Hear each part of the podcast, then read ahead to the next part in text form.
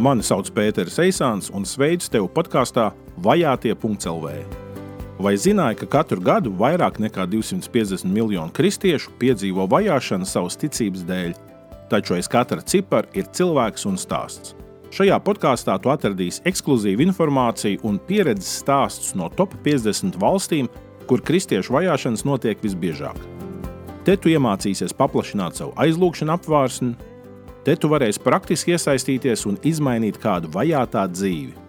Tas viss vienreiz mēnesī, lietišķā formātā, bez drāmas un depresijas. Pievienojies!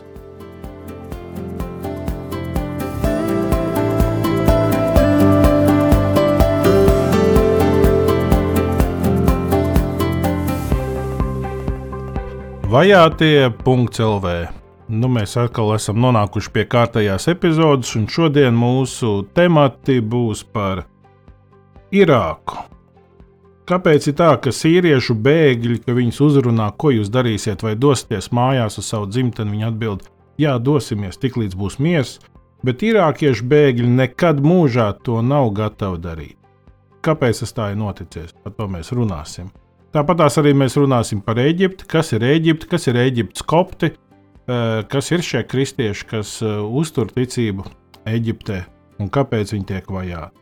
Un, protams, trešais temats, ar ko tūdaļ arī mēs sākam, eh, tā ir lūkšanas apulce Zūmā par vajātajiem. Trešdien, 14. aprīlī, 2021. atkal sanākam uz kopīgu lūkšanu par vajātiem kristiešiem pasaulē Zoom formātā. Ielūgumu meklējiet uh, Facebook, Baltijas globālās iniciatīvas mājaslapā. Uh, tur jūs atradīsiet uzaicinājumu uz šo uh, notikumu. Trešdien, pulksten 21. līdz pulksten 22. Mums izdevās iepriekš stundu, ļoti labi. Domāju, tagad arī iesaisties, ieplāno. Es klāt, es gatavs ieslēgt arī savu ekrānu sagatavoja jau visas ierīces, lai tad viss varētu tā būt. Tātad trešdien, 14. aprīlis, pulkstenis 21. vakarā.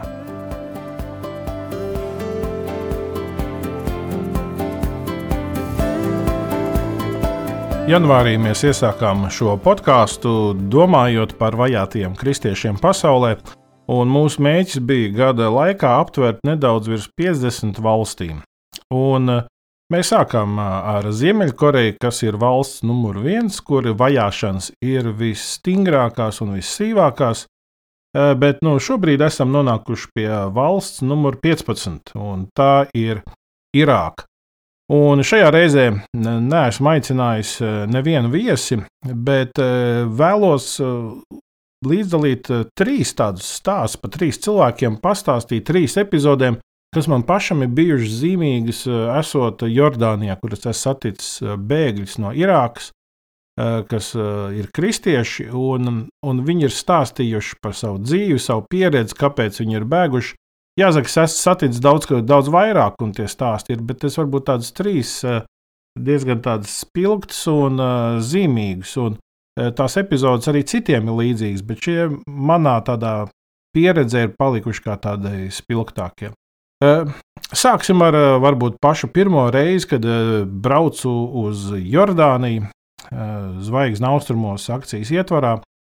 Tas bija 2015. gads, un, un es atceros, kad mums bija iespēja doties pie bēgļiem viņu dzīves vietās.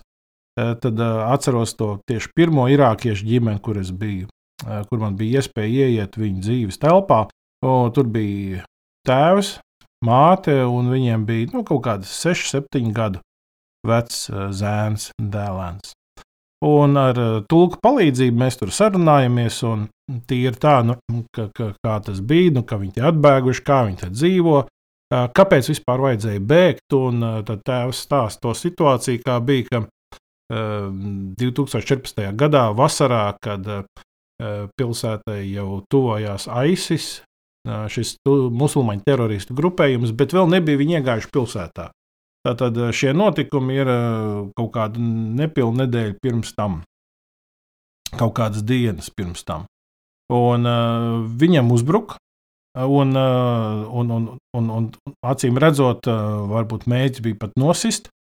Un, un kas notika, viņu atstāja tur ceļmalā guļam, un bija viņš ievilkts tur tādā grāmatā.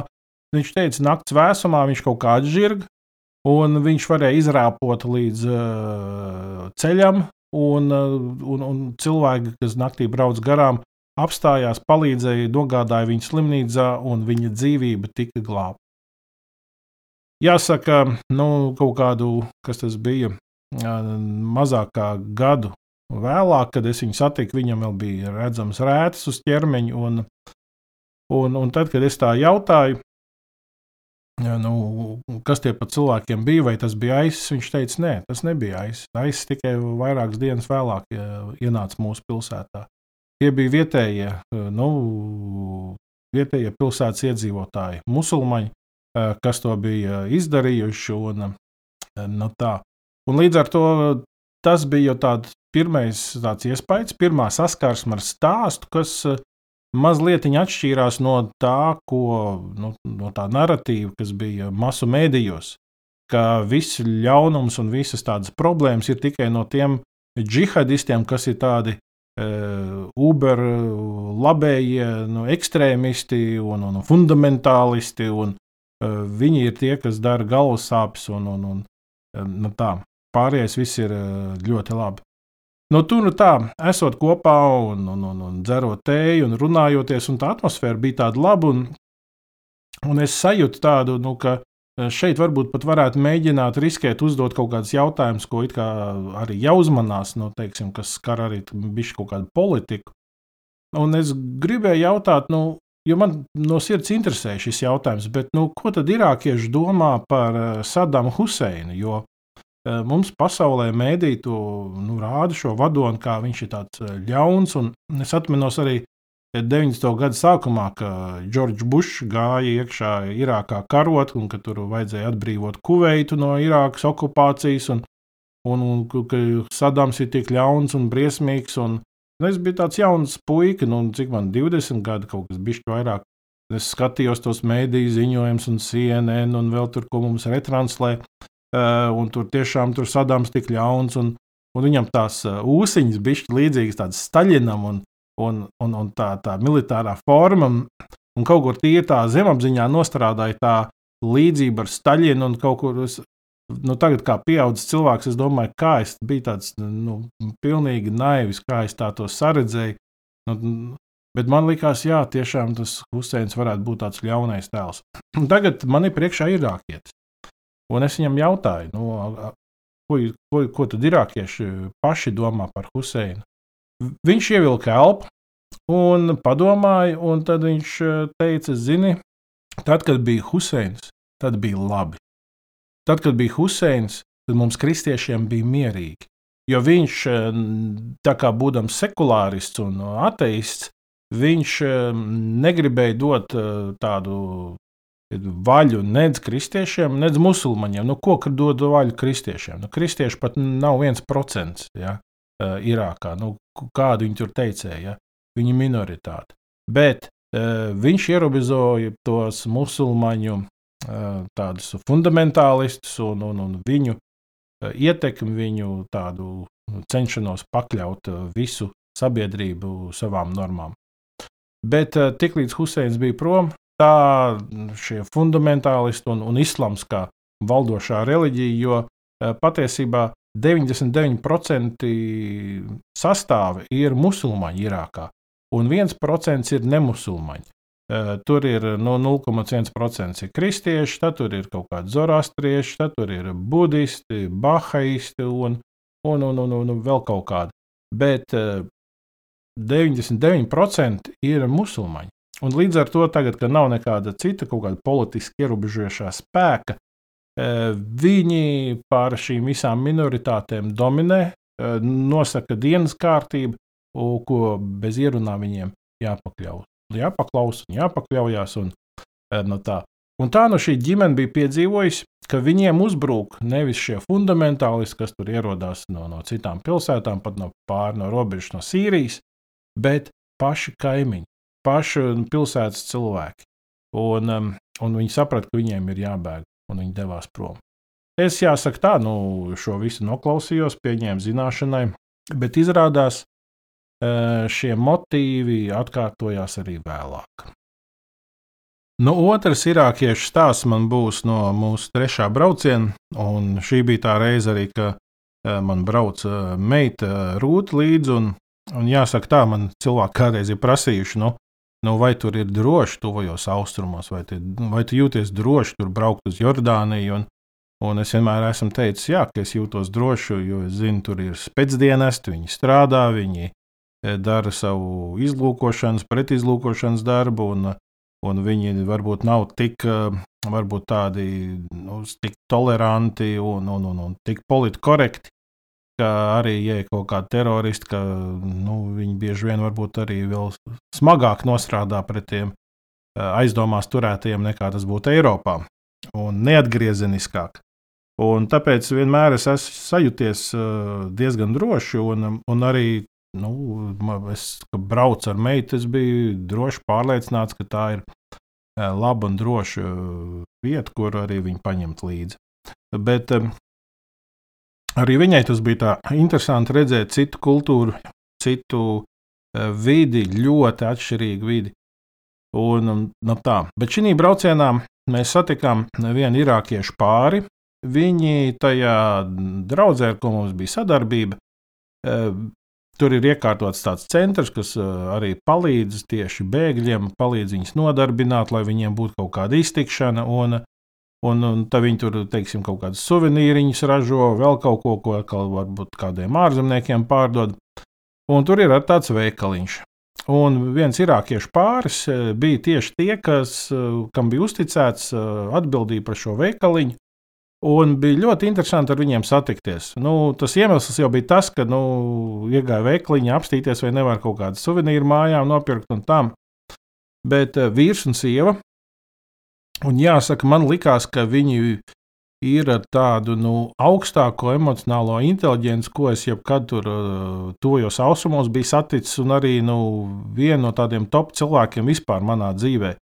Eh, viens no tādiem aspektiem, kā es varētu teikt, mērīt nu, to emocionālo inteligenci, ir tas, ka savstarpējā saskarsmē ir cilvēki reizēm, kad ar viņiem runā, viņi tev spiež, viņi tev nospiež, tu aizej no sarunas, un tev ir tāds sajūta, ka tu vēl tādu kaut kādu smagumu nes. Eh, bet tāpat laikā ir kādi cilvēki, ar kuriem ir viegli. Viņi tev tā kā ieaicina, viņi tev dod dzīves telpu, viņi tev dod vietu, Un, un tieši šāds bija šis pāris, tik smalkjūtīgi, tik e, nu, ļoti patīkami saskarsmē. Un mēs tā runājamies, nu, gan skatoties tur suvenīrus, bet arī tīri par to, kas ir viņu stāsts, kā viņi atkļuva uz Jordāniju un, un kā viņi bēg. Un, un tas arī bija nu, gandrīz kā mm, visiem citiem, ka bija ļoti tuvojās aisis, bija jābēg, jo jo bija zināms, ko viņi dara ar kristiešiem, ka tur patiesībā ir tikai pāris izvēles dotas. Pirmā izvēle ir mm, konvertējies islamā, ko piedāvā, kas ir visvēlamākā. Otra, tu vari ieņemt eh, no to dimīlu lomu, ka tu samaksā nodokli un tev ļauj dzīvot. Eh, un, protams, trešais ir tas, ka tev neļauj dzīvot un, un, un, un vienkārši arī pie zināmiem apstākļiem arī atņem tavu īpašumu, atņem tavu dzīvību un atņem tev visu. Tad, nu, kad ISIS tu, tuvojās viņu pilsētai, viņi līdz ar to arī bēga. Viņi saprata, ka viņi būs mērķis ne tikai tādi, kas kaut kur var iejukt un paslēpties, bet viņi tiks mērķiecīgi uzmeklēti. Un tādēļ arī dzen, viņi devās prom. Pēc kāda laika, nu, kad viņi bija atnā, ieradušies Jordānijā, viņiem nu, WhatsApp, telefons un, un atkal te ir viena lieta. Nu, Reizēm jau ir tas ir vesels temats, kad cilvēki saka, o, redz, kā bēgļiem tur ir telefoni un, un, un, un, un, un kā viņi bez tiem nevar dzīvot. Mīļie, mēs jau paši nevaram bez telefoniem dzīvot. Telefons, uh, skārienu jūtīgais telefons sen nav nekas kaut kas ekskluzīvs. Pat 100 eiro nav vajadzīgi, lai nopirktu skārienu jūtīgu telefonu. Tādēļ ir diezgan stulbi kaut kādā veidā pārmest cilvēkiem, ka viņi devušies bēgļu gaitās, un viņiem ir skāriet jūtīgais telefons. Jo viņiem ir vajadzīgs joprojām komunicēt uh, savā starpā, ar savu ģimeni, kura citi varbūt nu, reizēm viņiem simtiem vai tūkstošiem kilometru attālumā viens no otra. Viņi taču ir dzīvi cilvēki, viņiem ir nepieciešams WhatsApp, tur ir balziņas, tur ir foto, tur ir video. Nu tā, tas viss ir normāli. Tā tam jābūt, un, un, un, un, un nav par to nevienam ko cepties vai pārmest. Tas, tas nav pārāk saprātīgi un gudri. Bet tā, nu, tādā sarunā tad, uh, arī viņi parāda uh, savus bildes no, no, no Irākas, un arī to, kur viņi, vietu, kur viņi dzīvoja, kur bija viņa dzīvoklis. Uh, tāda vairāk stāv māja, tur ir vairāk dzīvokļu un tā. Un, un tad izrādās, viņi jau bija Jordānijā, kad viņu kaimiņi sūta viņiem bildes un, un, un no viņu dzīvokļa tur Irākā. Un viņi pretī sūta viņiem atbildi, paldies, paldies, ka jūs tur mūsu prombūtnes laikā tur uzpasējiet to mūsu dzīvoklīt un tā. Uz ko kaimiņi atbild, nē, mēs neuzpasējam un mēs nesargājam jūsu dzīvokli. Jūsu dzīvoklis ir kara laupījums. Un jāsaka, to vārdu es vairs neatceros. Arābu valodā ir viņiem tas viens vārds, tāds konkrēts jēdziens, ar ko islamā apzīmē leģitīmu kara laupījumu, kas ir atņemts eh, neticīgajiem, un, un, un, un, un kas tad kļūst par tādu nu, islāma uzvaras tādu simbolu. Tas ir tas jēdziens, kas šeit tika lietots. Un atkal, kas šeit notiek? Tie jau nebija kaut kāda ISIS uh, fundamentālo šo islāma teroristu grupējumu dalībnieki. Tie bija kaimiņi, ar kuriem viņi bija kopā gadiem dzīvojuši. Un šeit viņi to pasludina kā tādu islāma triumfu un uzvaru pār neticīgiem, un viņi pārņem šo dzīvokli savā valdījumā. Nu tā, un līdz ar to tad, uh, arī es viņiem prasīju, nu, vai jūs uh, saredzat iespēju, kad uh, atgriezties atpakaļ Irākā. Viņi paklusēja kādu mirkli, un tad teica, nē, tas laikam nebūs iespējams. Un, un manuprāt, tas ir arī diezgan saprotams, ka es iedomājos sevi viņu vietā.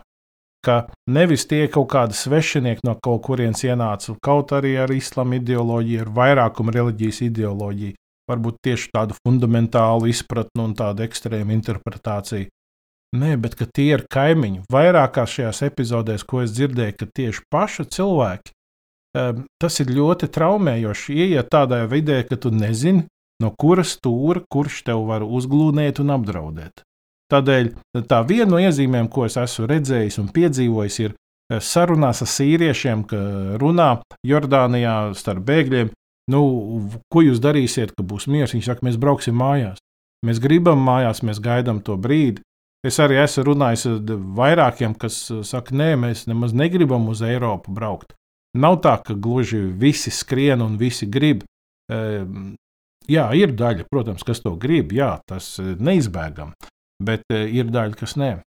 Un tātad sīriešiem ir mm, diezgan liela daļa, saka, mēs gribam atpakaļ uz dzimteni, uz Sīriju. Jo viņi pārsvarā ir musulmaņi. Viņi dodas pie saviem, kas ir vairākumā. Bet uh, Irākas kristieši savukārt saka, nē, mēs neredzam veidu, kā mēs varētu atgriezties dzimtenē. Jā, nu, vēl, kā jau minēju, gribu vēl trešo stāstu, varbūt pastāstīt, kas ieskicē to situāciju ar irākiešiem. Nu, ir arī kaut kādi dramatiskie tie ISIS stāsti, bet tos laikam šoreiz ne. Vienu tādu arī no pirmā brauciena, no pirmās reizes, kas ir tāds, nu, mazliet tāds mierīgāks, bet tomēr ļoti dziļi iespaidu uz mani atstāja.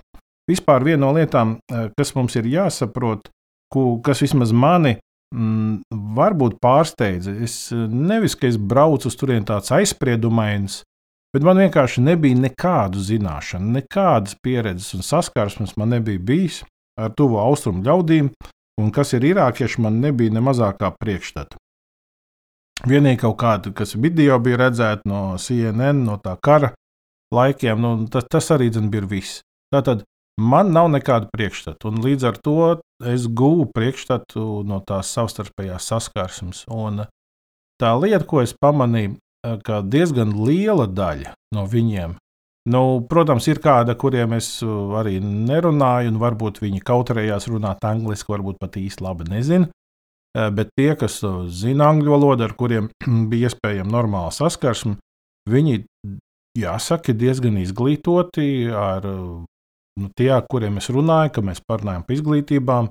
Dažādās augstskolās gājuši un mācījušies. Tur bija arhitekti, tur bija ārsti, tur bija inženieri, psihologi, elektroinženieri. Nu, nu, dažādu profesiju cilvēki. Un, piemēram, mūsu tulks, kas tagad pēdējos braucienos bija Anās, nu, viņš zina sešas valodas.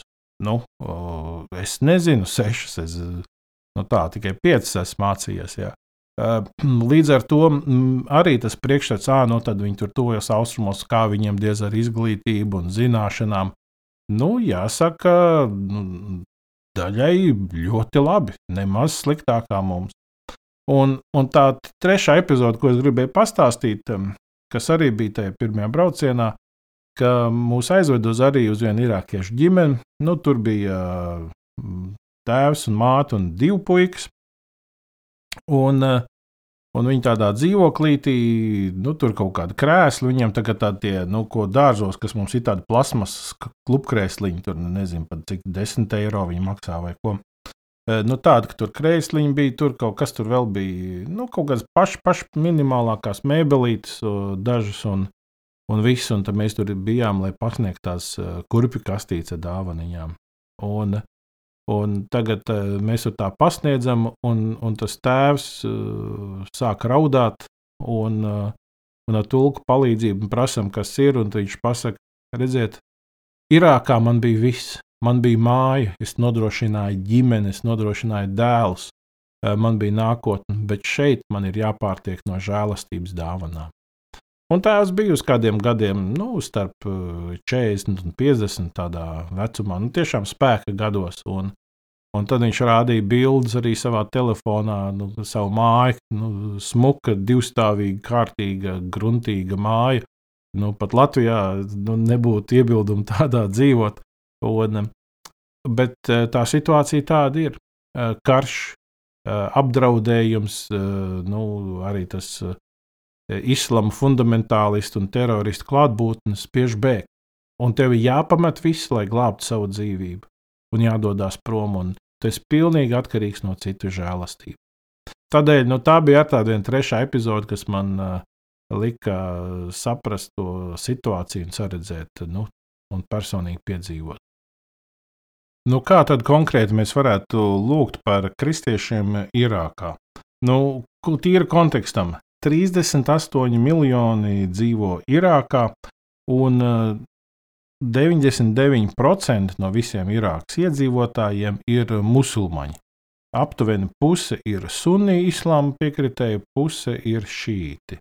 Šīti vairāk saistīti tīri teritoriāli ar uh, Irānu, un, un, un tādēļ arī viņiem tur ir tā savstarpējā spriedze, ka pusi uh, ir vienai nu, tādai musulmaņu grupai pievienot otru pusi otrai, un tā viņi tur bija šī arī tāda spriedzīta cīņas par uh, ietekmi un, un, un, un tam līdzīgi. Bet uh, kristieši ir nu, tikai 0,1%. Uh, tā tad uh, nav daudz. Un arī nu, mums, teiksim, es pats esmu no, no evaņģēliskiem kristiešiem, un, un bieži vien jau arī tās tuvākās saites ir tieši nu, ar evaņģēliskiem. Bet Irākā tur ir asīriešu baznīca, tur ir katoļu baznīca, tur ir anglikāņi, tur ir arī austrumu ortodoksie. Nu tā, ir arī evaņģēliskie, bet nu, tur ir tāds arī tieši to veco un, un, un tradicionālo baznīcu iespējas ir diezgan liels. Nu, ņemot vērā to, ka nu, nu, rēķiniet, tuvie austrumi tā ir tā vieta, kur kristietība iesākās. Tādēļ tas ir pilnīgi loģiski, normāli un dabīgi, ka arī šīs senās austrumu baznīcas tur ir e, nu, labi pārstāvētas. Un tīri no tāda arī nu, vēsturiskā viedokļa tas ir e, saprotami un ļoti pamatot. Nu, tad tie pieci aizlūgšana punkti ir eh, sekojošie. Pirmais ir, kā kristiešiem, kas bijuši musulmaņi, nav atļauts precēties ar kristiešiem, jo likuma acīs viņi joprojām ir musulmaņi. Lūksim, lai Dievs viņus pasargā un arī lai maina šo situāciju, ka viņiem varētu būt šīs brīvības. Otrakārt, Irākā pēc daudzu gadu nemieriem ir iestājies miers, taču kristiešu vajāšanas joprojām turpinās.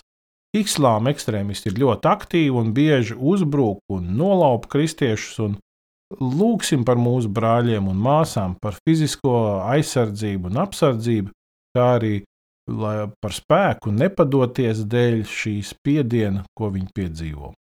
Lūksim arī par to, lai vardarbība Irākā beigtos un lai Dievs dod mieru kristiešu sirdīs un dzīvē.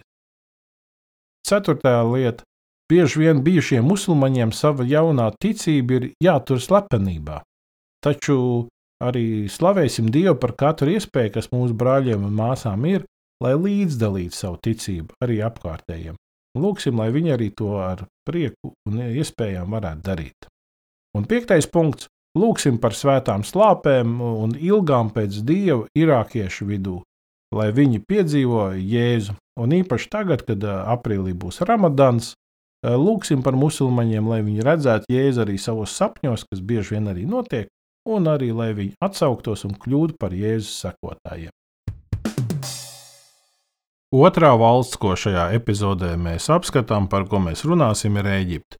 Un, protams, pilnīgi lieki būtu tagad runāt, kur Eģipte atrodas. To visi jūs zināt. Tas eh, jau no skolas laikiem visiem ir skaidrs, un arī dzen, droši vien skaidrs kādam ir no sava personīgā ceļojuma vai no draugu ceļojuma, kā atsūtīja bildes no sarkanās jūras. Tātad Eģiptes lokācija visiem viss ir skaidrs. Bet kas ir šie Eģiptes kopti? Kas tie ir? par koptu kristiešiem, un, un, un par to gan mazāk Latvijā ir dzirdēts, mazāk runāts, un par to varētu būt lielāka neskaidrība. Tātad saskaņā ar tradīciju apustulis Marks, Jānis Marks bija tas, kas devās uz Aleksandriju, uz Eģipti ar evaņģēlīju vēsti, un arī dzen, esot kļuvis par pirmo bīskapu Eģiptē. Tātad pats vārds kopts nozīmē eģiptietis. Tas nāk no senās antīkās eh, eģiptiešu valodas, kuru pārtrauca lietot sadzīvē kaut kad 16. gadsimtā, bet eh, šī koptu valoda ir saglabājusies kā liturģiskā valoda kopti, koptu baznīcā. Nu, tagad Eģipte lieto arābu valodu, un tādēļ nu, tā ir tikai uh, daļa no vēstures. Var jau būt, ka no baznīcas vēstures eh, kaut kādiem tekstiem, ko esat paši mācījušies, vai arī ko esat kaut kur kādā lekcijā dzirdējuši. Varbūt esat dzirdējuši, ka 1054. gadā notika šī lielā šķelšanās starp austrumu un rietumu baznīcu. Bet eh, kopti patiesībā jau no šīs austrumu un rietumu tādas baznīcas dinamikas eh, tika izslēgti 451. gadā, kad notika Kalcedonas eh, koncils, un kur galvenais jautājums bija, ka runāja par Kristus inkarnāciju, tātad, ka Kristus ir viena persona, bet divas dabas. Un, un tur koptiem bija nedaudz atšķirīgs viedoklis, kur mūsdienu pētnieki patiesībā domā, Varbūt nedaudz tas tika pārprasts, un varbūt pat nedaudz mērķiecīgi pārprasts, jo uh, nu, bija varbūt tāda neliela konkurences sajūta starp Aleksandriju un Aleksandrijas biskupu un, un, un, un Romu un Romas biskupu. Uh, starp citu, jā, nu, uh, lielākoties tie pirmie, nu, pirmajos gadsimtos tie kristiešu centri atradās pilsētās, kuras, nu, tad, kad nāca islāms pēc tam vēlāk, Eh, drīz vien nonāca arī islāma kontrolē, piemēram, Jeruzaleme vai Antiohija vai Aleksandrija un arī Konstantinopola. Eh, un, un, un Roma savukārt nenonāca. Eh, nu tā kā nu arī tas nebūtu bijis, un vēsturiski attīstījies, tomēr Koptu baznīca ir daļa no šīs austrumu tradīcijas, un, un, un, un, un tur ir arī kaut kāds arī paralēls ar katoļu baznīcu. Es atceros, ka savulaik es biju students Amerikā, un, un, un, un tad, kad es pirmo reizi dzirdēju tādu vārdu, kā kopti, kopti kristieši, tad arī par viņiem runāja, nu, ka viņi ir nu, kā katoļi vai austrumu ortodoksie un ļoti, ļoti atšķirīgi, un, un, un mums ir ļoti maz kopīgi un tā tālāk. Vēl Es pat atceros, ka pēc tam man, man bija interese. Nu, jau pēc tam es biju atbraucis mājās, un jau bija internets. Es domāju, vēl papētīšu kaut ko vairāk. Bija Amerikā pat kāda no fundamentālisma spārna, kas teica, nē, nē, kopti vai, vai viņi pat ir tādi uzticīgi kristieši, nu, un arī dēļ tā Kalcedonas koncila tur, ka uh, piesējās par kādām lietām, uh, vai mēs pat varētu viņus saukt par brāļiem. Uh, taču es teikšu, manuprāt, tā ir diezgan radikāla pozīcija. Uh, īpaši tādēļ, ka uh, es jums, tad, kad es 2015. gadā biju Jordānijā, Un tad, kad tur esot, mēs redzējām to video, kur 21 eģiptes koptam Lībijā, vidusjūras krastā, musulmaņu teroristi nogriež galvu visas pasaules priekšā, kameras priekšā. Uh, un šie vīri nomirst ar Jēzus vārdu uz lūpām. Tas bija ļoti interesanti, kādu pusgadu vēlāk, kad mēs jau bijām varējuši uzmeklēt šīs ģimenes un, un arī vienu palīdzības projektu veikt, kas tieši ar, ar tīru ūdeni bija saistīts. Un, un tad, kad uh, es tur biju aizbraucis ciemos, un, un, un, un, un Dainis Šmits un Vāju Šmits, jūs varbūt atceraties, jūs arī Dainis un Vāju viņi arī par sudāniešiem stāstīja. Un, uh, no tā. Un tā kā mēs tur bijām, un tā kā šīs ģimenes teica, cik labi, ka bija oriģinālais arī skaņas celiņš uh, no tajā video, ka viņi varēja redzēt, ka viņa dēli ar vārdu Jēzus uz lūpām aiziet, atdod savu dzīvību kā asins liecinieki. Un, un tad, kad es tur biju, pēc tam man bija jābrauc mājās, un es domāju, nu redz, kā ir, cik tomēr tā ir liela augstprātīga kaut kāda uh, amerikāņu evaņģēliskie fundamentālisti, kas dzīvo komfortā, mierā, labklājībā un, un, un, un savā čībās staigā pa māju un sūdz Coca-Cola, un tad viņi saka, nē, nu tie nav pietiekami labi kristieši. Ja? Kur tie pietiekami, netik pietiekami labi, tad, kad viņiem ir izšķiršanās brīdis, viņi ir gatavi dot savu dzīvību, un viņi nomirst ar vārdu Jēzus uz savām lūpām. Tādēļ uh, jāsaka, tad, kad es biju jauns, varbūt kādreiz es tā vairāk uh, dalīju arī pats, jāsaka, godīgi.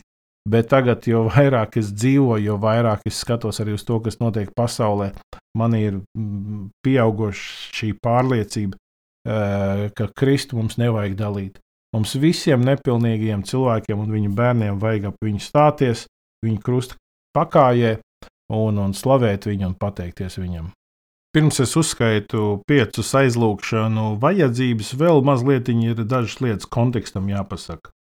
Eh, viena no lietām, kas eh, arī dzen, ir raksturīga ne tikai Eģiptē saistībā ar koptiem, bet arī, ko es esmu Jordānijā pamanījis, eh, ko es esmu arī dzirdējis par Irāku, ir tas, ka kristieši ir tie, kas mācās. Viņi cenšas, viņi mācās, viņi iet skolās, viņi iet augstskolās, viņi pieliek pūles, viņi cenšas izsisties.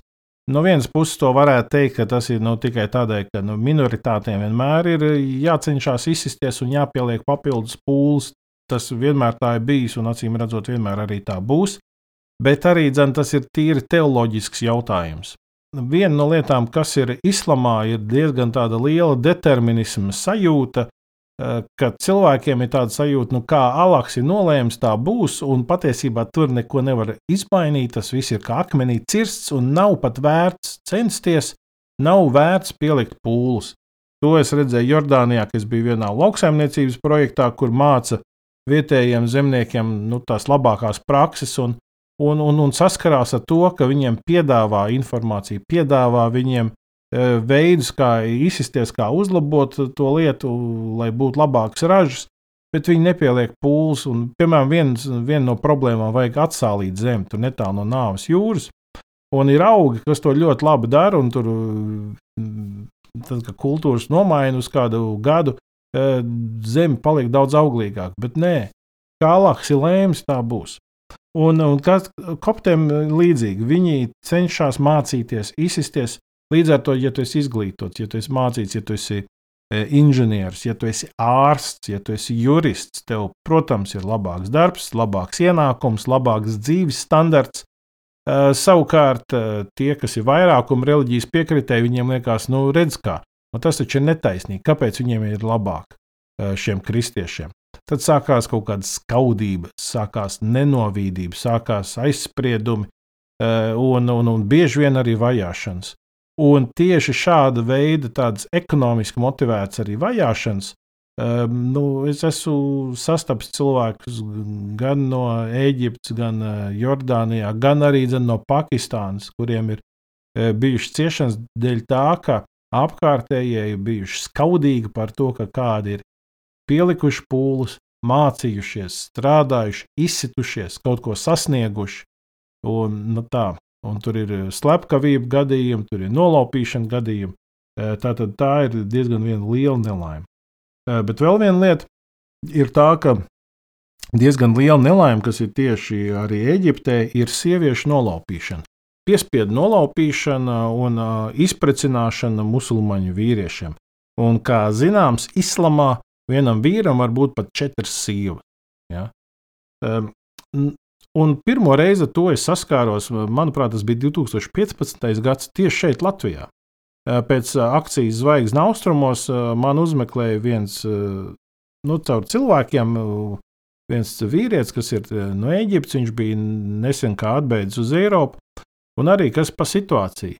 Viņš bija precējies pāris gadus, un tad viņa ciematā pēkšņi nu, viens zināms cilvēks konkrēti ņēma un nolaupīja viņa sievu, piespiedu kārtā aizveda uz Saudārābiju. Tur konvertēja islamā, apprecējās, un, un, un, un viss. Viņam bija sieva, un pēkšņi vairs nav. Un, uh, viņš zina, kas ir tas cilvēks, Viņš zina, kurā brīdī pazuda no, no viņa ciemata. Jā, aizbrauc uz Saudārābiju, bet tā notiek. Un tā ir viena no lietām, ko arī e, kristiešu organizācijas, ko Koptu baznīca ziņo. E, patiesībā tā ir pieauguša tendence, un tā ir liela problēma, ka jaunās kristiešu meitenes tiek nolaupītas, piespiedu kārtā konvertētas islamā un izprecinātas uh, musulmaņiem. Starp Irāku un Eģipti ir ļoti liela atšķirība. Tajā ziņā, ka Irākā kristieši ir tikai 0,1%, bet Eģiptē viņi gandrīz 15%. Ja ir nedaudz virs 100 miljoniem iedzīvotāji, tad kristieši ir aptuveni 16 miljoni. Un līdz ar to kristieši nav gluži nu, tādi uh, absolūtā minoritāte, ka nu, ar viņiem var pilnīgi nerēķināties. Viņiem ir pietiekoši, kā jau teicu, viņi ir izglītojās, viņi ir pietiekoši ekonomiski arī stipri. Un um, arī baznīca pietiekami stipra. Tur ir savs uh, televīzijas kanāls, un YouTube kanāli, un, un, un skolas, un uh, uzņēmumu, un, un, un tādas lietas tur notiek. Tātad nav tā, ka gluži var ar viņiem nereiķināties. Bet tāpat laikā uh, uzbrukumi notiek, un uh, arī valdība Eh, it kā no retorika ir, nu, ka viņi ir par mieru, lai tur nebūtu uzbrukumu, lai nebūtu spridzināšanas, bet kristieši paši nodrošina apsardzi. Teiksim, tad, kad es biju tur, eh, apmeklējām tos ciematus, no kurienes nāk šie koptu martīri, kurus Lībijā ISIS nogalināja. Tad arī pie tām draudzēm un baznīcām, kur mēs bijām, tur ārpusē bija bruņoti draudzes vīri ar šaujamajiem plintēm. Ja? Eh, viņi tur eh, sēdēja un, un, un sargāja. Tas bija viņa darbs, un tāpat nebija svētdiena. Tā bija vienkārši darba diena.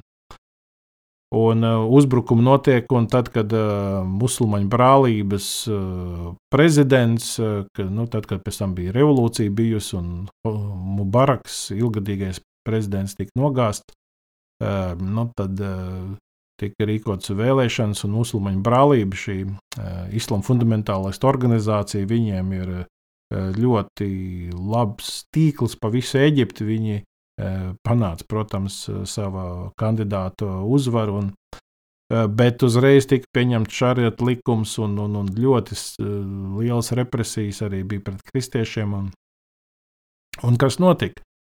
Kristieši jau, protams, negrib dzīvot zem tādas absolūtas šāriet diktatūras, un, un tagad bija atkal protesti tieši pret šo musulmaņu brālības prezidentu un arī kādu gāja ielās. Eh, tad jau pēc tam atkal teroristi sāk spridzināt baznīcas un, un dedzināt, un, un, un tur pārpa simts baznīcas uh, viena gada laikā nu, tika nodedzināts un saspridzināts. Uh, tā bija liela problēma. Bet šie uzbrukumi notiek ik pa laikam, joprojām, ka viņi ir arī izskan diezgan plaši pasaules mēdījos un arī dzen, Latvijā. Un ar to ir jārēķinās, ka ik pa laikam ir tīri tādi vardarbīgi uzbrukumi. Nu, tā ir realitāte, un arī viena realitāte ir tā, ka patiesībā kaut Eģiptes koptu stāvoklis nav tas vissliktākais starp to austrumu kristiešiem. Viņi arī diezgan lielā skaitā dēļ šīs spiediena nevar izturēt. Viņi emigrē un dodas uz rietumu valstīm. Tā, tā ir tāda realitāte un problēma. Un vēl viena problēma, pirms piesakot tos piecus lūkšanas punktus, ir arī šobrīd koronavīrus. Es vienā lūkšanas grupā esmu, kur signāla aplikācijā ik pa laikam saņems kādas ziņas un informāciju no tuvajiem austrumiem, no dažādām valstīm. Un arī pirms pāris dienām pienāca ziņa tieši no Eģiptes, kur ir diezgan stiprs uzliesmojums, un, un, un ciematos vienkārši netiek galā cilvēki slimo. Slimnīcu kapacitāte nepietiek, nepietiek skābeklis visiem cilvēkiem, un, un situācija ir diezgan dramatiska. Jāsaka arī, nu, ka citās tuvu austrumu valstīs es esmu dzirdējis par situācijām, ka nepietiek skābeklis, un tā pat tiešām nav, nav situācija, nu, ko, ko, ko jebkurš gribētu piedzīvot. Tādēļ arī dzen, tiešām tas arī var būt viens no lūkšanas tematiem un priekšmetiem par šīm situācijām. Tieši pie nabadzīgiem ciematos, kur viņiem nepietiek medicīniska aprūpe, un, un daudziem ir risks nomirt nepatīkamā nāvē. Bet nu, ķeramies klāt tiem pieciem aizlūgšanu punktiem par to, kā mēs konkrētāk varētu lūgt par kristiešiem Eģiptē.